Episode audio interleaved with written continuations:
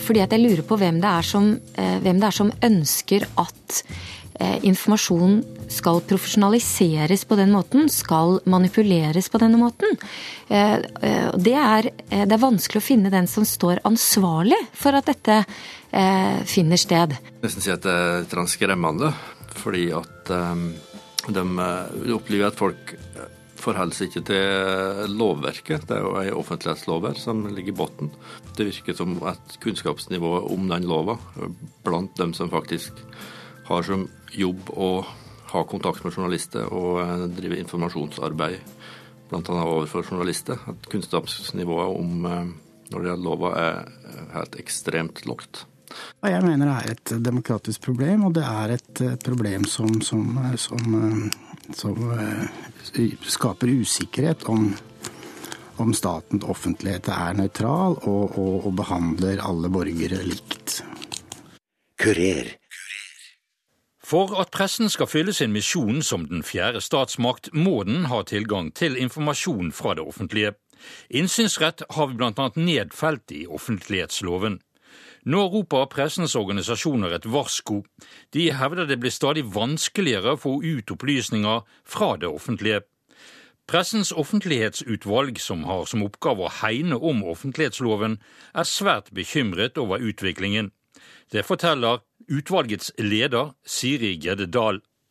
Eh, gravende journalister som driver med kritiske saker, eller i saker hvor regjeringen eller regjeringsapparatet eller maktapparatet kan risikere kritikk, de har opplevd at da er det ikke så greit å få innsyn lenger i, i offentlige dokumenter.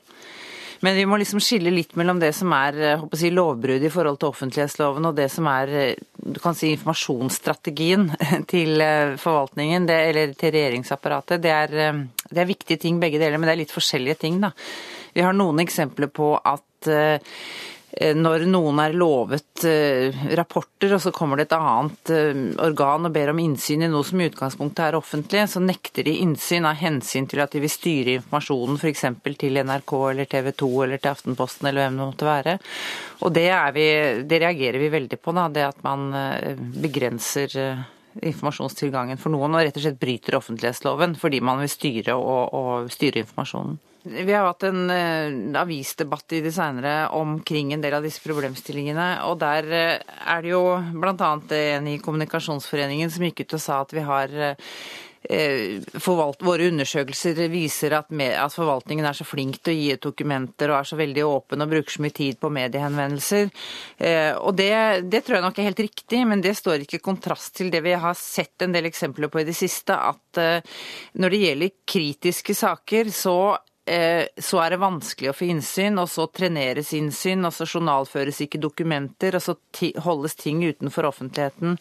Eh, så jeg er litt usikker på om det er blitt verre, eller om det bare er kommet til overflaten nå. Jeg kan jo ta et eksempel fra jeg tror det var i 2011, så hadde Aftenposten en stor sak om eh, olje- og energiminister Ola Borten Moe, som hadde tilbakeholdt korrespondanse, altså han hadde hemmeligstemplet, ikke gitt ut på, på innsynsanmodning korrespondanse med EU omkring et, et pålegg om at uh, oljeselskaper som opererte i Norge, altså utenlandske oljeselskaper, måtte ha altså Det har vært sånn at de da måtte ha en lokal driftsorganisasjon, f.eks. en filial i Nord-Norge. og Dette sa EU at dette kan ikke Norge ha lenger. og Det var jo selvfølgelig en, en het politisk sak for, fra, for, Senterpartiet. De likte vel antagelig ikke det, men i hvert fall så unntok de hele korrespondansen. og Det ble en sånn klagesak til Sivilombudsmannen. og Da sto det i denne, denne argumentasjonen fra departementet at de hadde holdt det tilbake fordi de ikke ville ha politisk diskusjon informasjon. De ville ikke at de trodde pressen kunne misforstå det. De trodde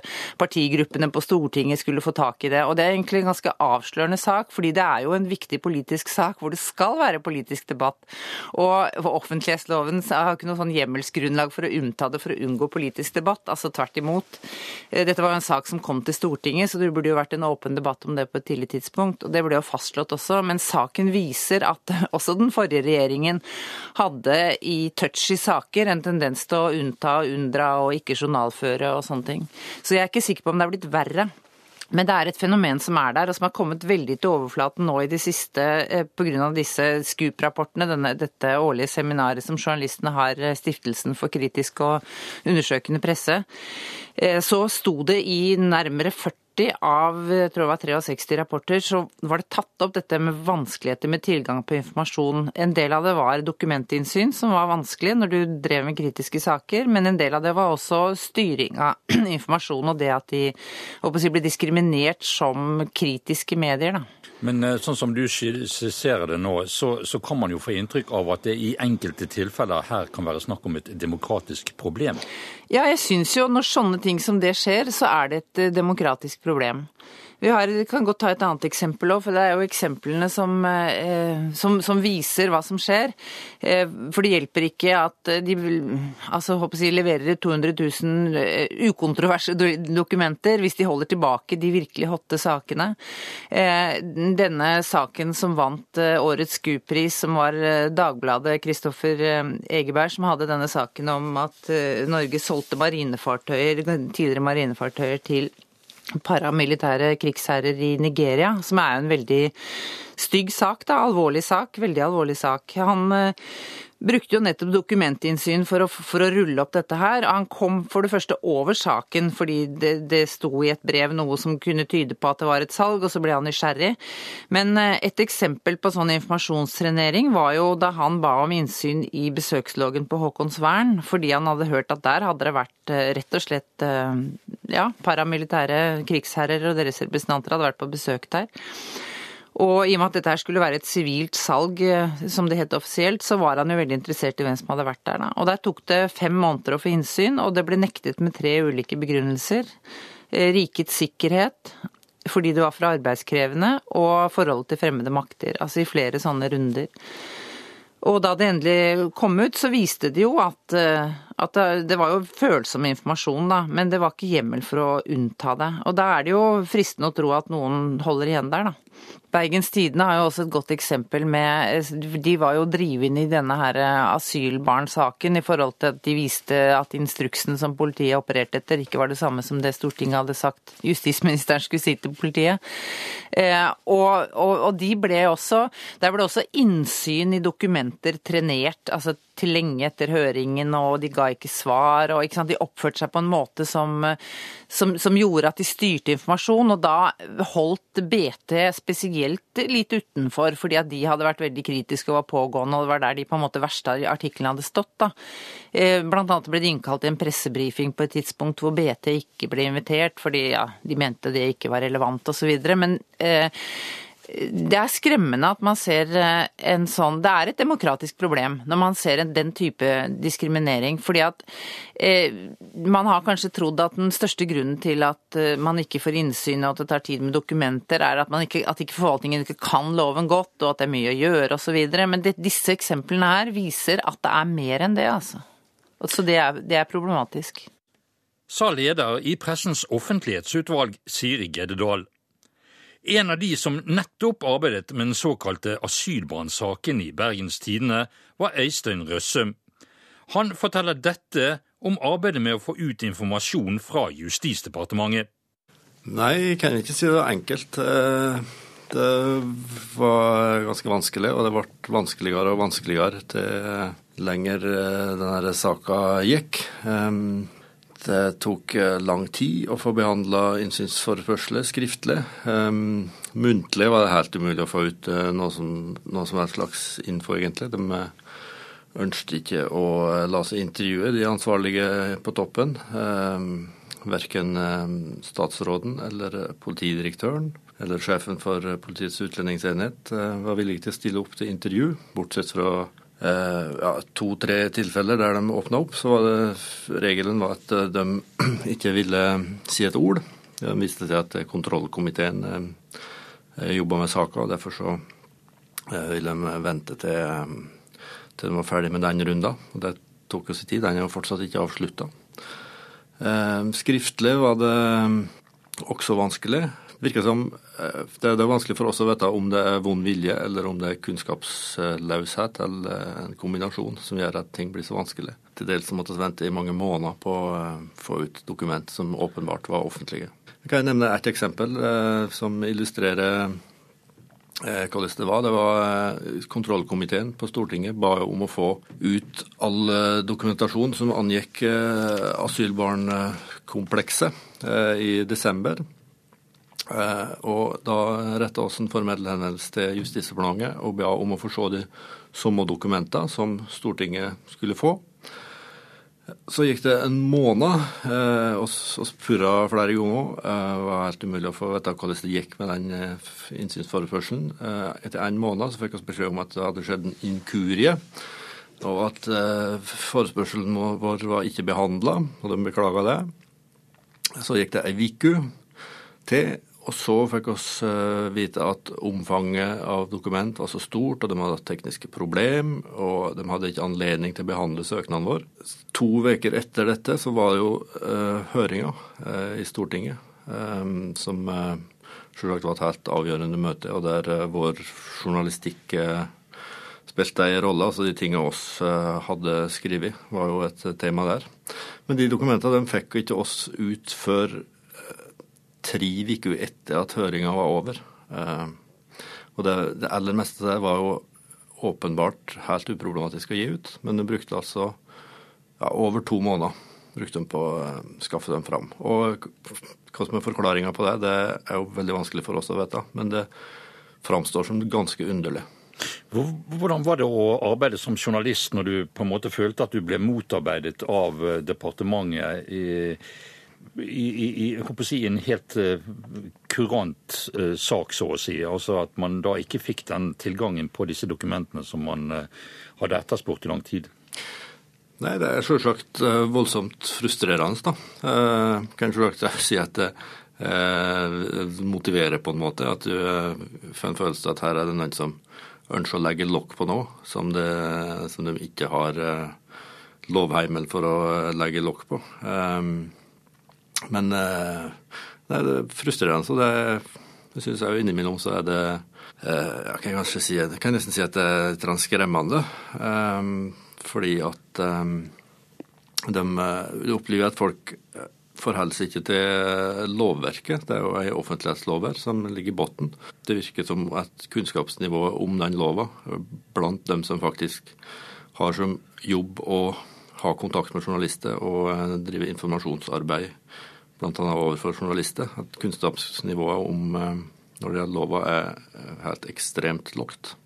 Og det er ikke nokså eh, påfallende.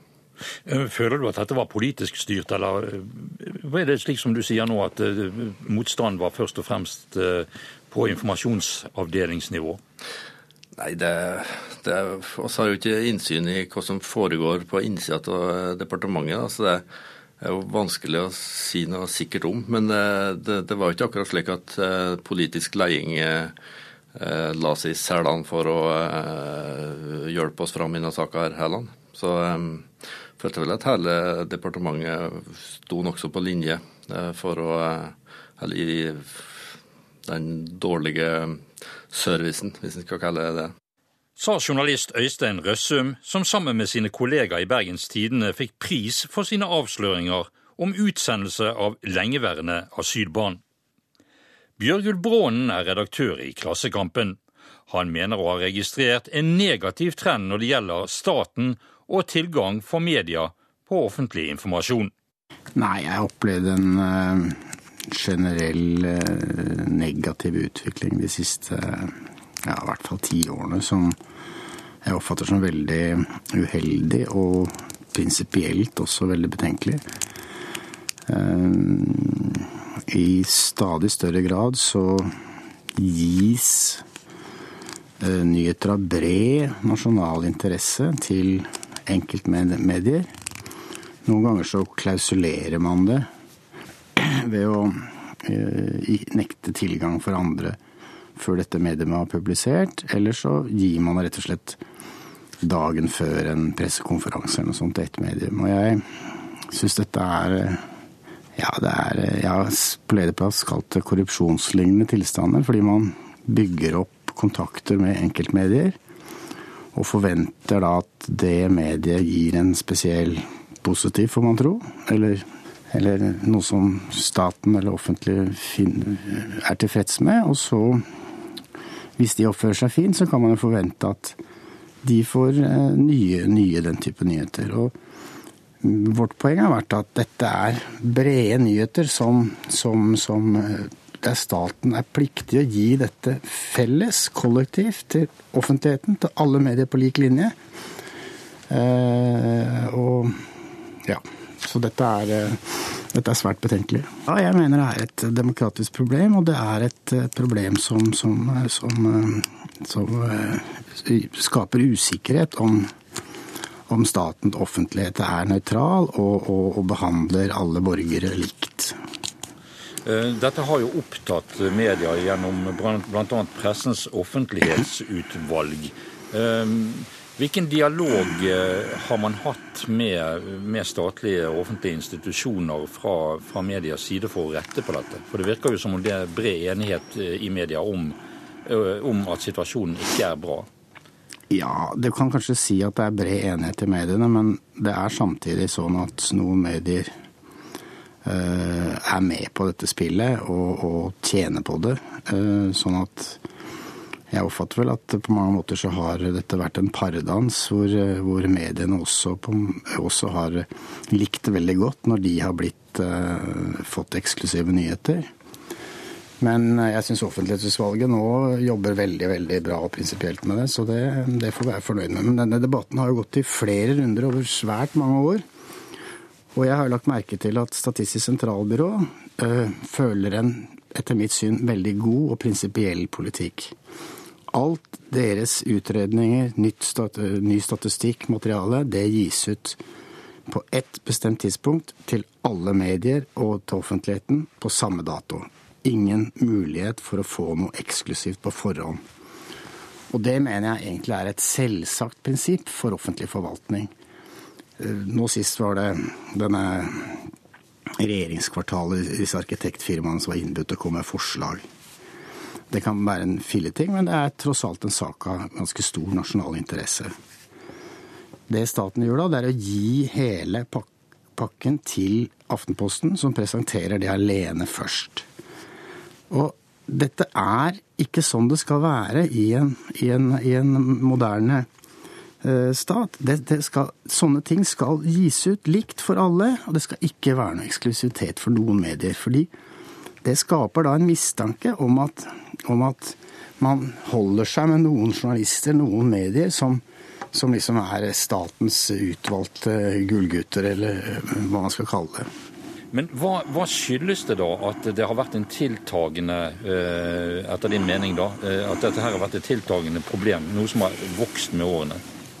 Nei, jeg vet ikke. Altså Det er vel Det er vel på en måte at staten og departementene har oppfattet at mediene er en, er en uh, har i perioder vært ganske mektige, og de har følt at ikke mediene har, har, uh, har videreformidlet det de oppfatter som viktige saker.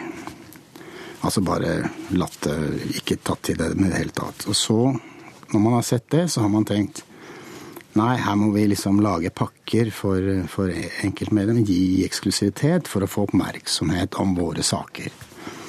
Det tror jeg er den grunnleggende tankegangen som har gjort at staten har gått inn på denne linjen. Og så har de da sydd opp dette med stadig flere PR-medarbeidere som, som, som, som, har dette som jobb. Og for at de skal legitimere sine jobber, så må de jo på en måte få noe ut av det. Og da er det å selge inn denne type pakker til enkeltmedier er, er gjøres mer og mer. Det har satt i system av PR-medarbeidere. Eh, men hvis dette er et økende problem, hvordan skal man da komme dette til, eh, til livs? Ja, det er jo ikke noe vanskeligere enn å si at staten, offentlig forvaltning, der er det ikke lov å gi ut noe eksklusivt til enkeltmedier. All informasjon skal gi ut på et visst klokkeslett. Enten det er på, på nettsidene deres, eller det er, det er eh, gjennom pressekonferanser eller pressemeldinger. Punktum finale. Sa redaktør Bjørgulv Brånen i Klassekampen. Kjersti Løken Stavrum er generalsekretær i Norsk Presseforbund. Altså, Informasjon er makt. Eh, og det å strukturere informasjon og det å tenke informasjon som strategi er veldig nærliggende. Både for politikere og for folk som jobber profesjonelt med informasjon. Og så glemmer man da det helt grunnleggende, som er at offentlig informasjon er noe helt annet enn privat informasjon eller informasjon i private selskaper. Offentlig informasjon, den tilhører alle.